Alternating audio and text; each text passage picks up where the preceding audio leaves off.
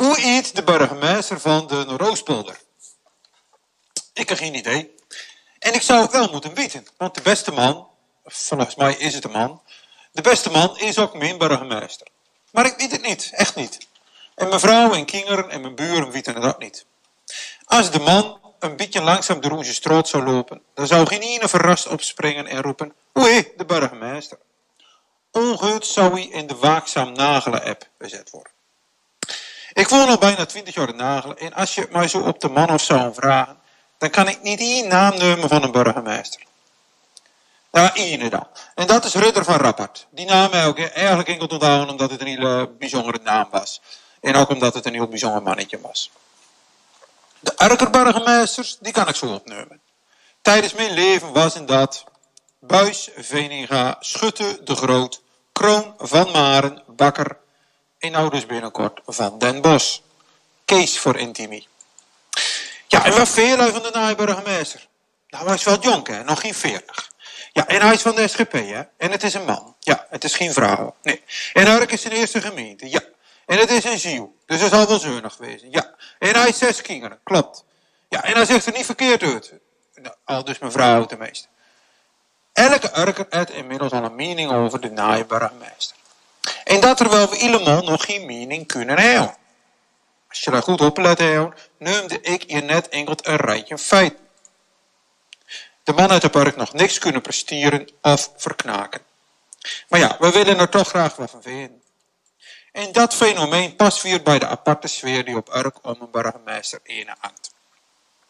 Want geen enkele bonenwaarde is te vergelijken met burgemeesterwezen op Urk. Daarom richt ik nou even een woord tot onze aanstaande burgemeester Kees van den Bos. Ik neem aan dat hij luistert. Want ik heb een paar tips voor hem. 1. Vergeet dat je anoniem kunt leven op Urk. Je wordt bekend. Het Urkerlaan zet je foto minimaal één keer in de week in de krant. En voor je weten kent iedereen je. Kinderen beginnen te roepen en te zwaaien aan je. Pubers joelen. Oude mensen gewoon een beetje zenuwachtig lopen doen. 2.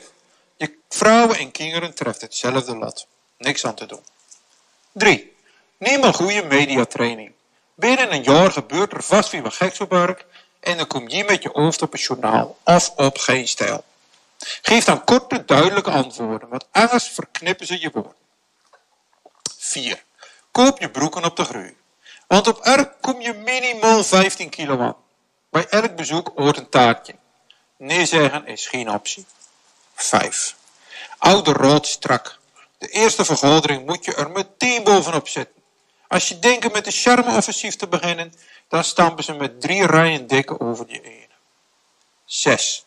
De rood is ook de theaterrol van Urk. Je gaat meteen kennis maken met de paar ervaren acteurs.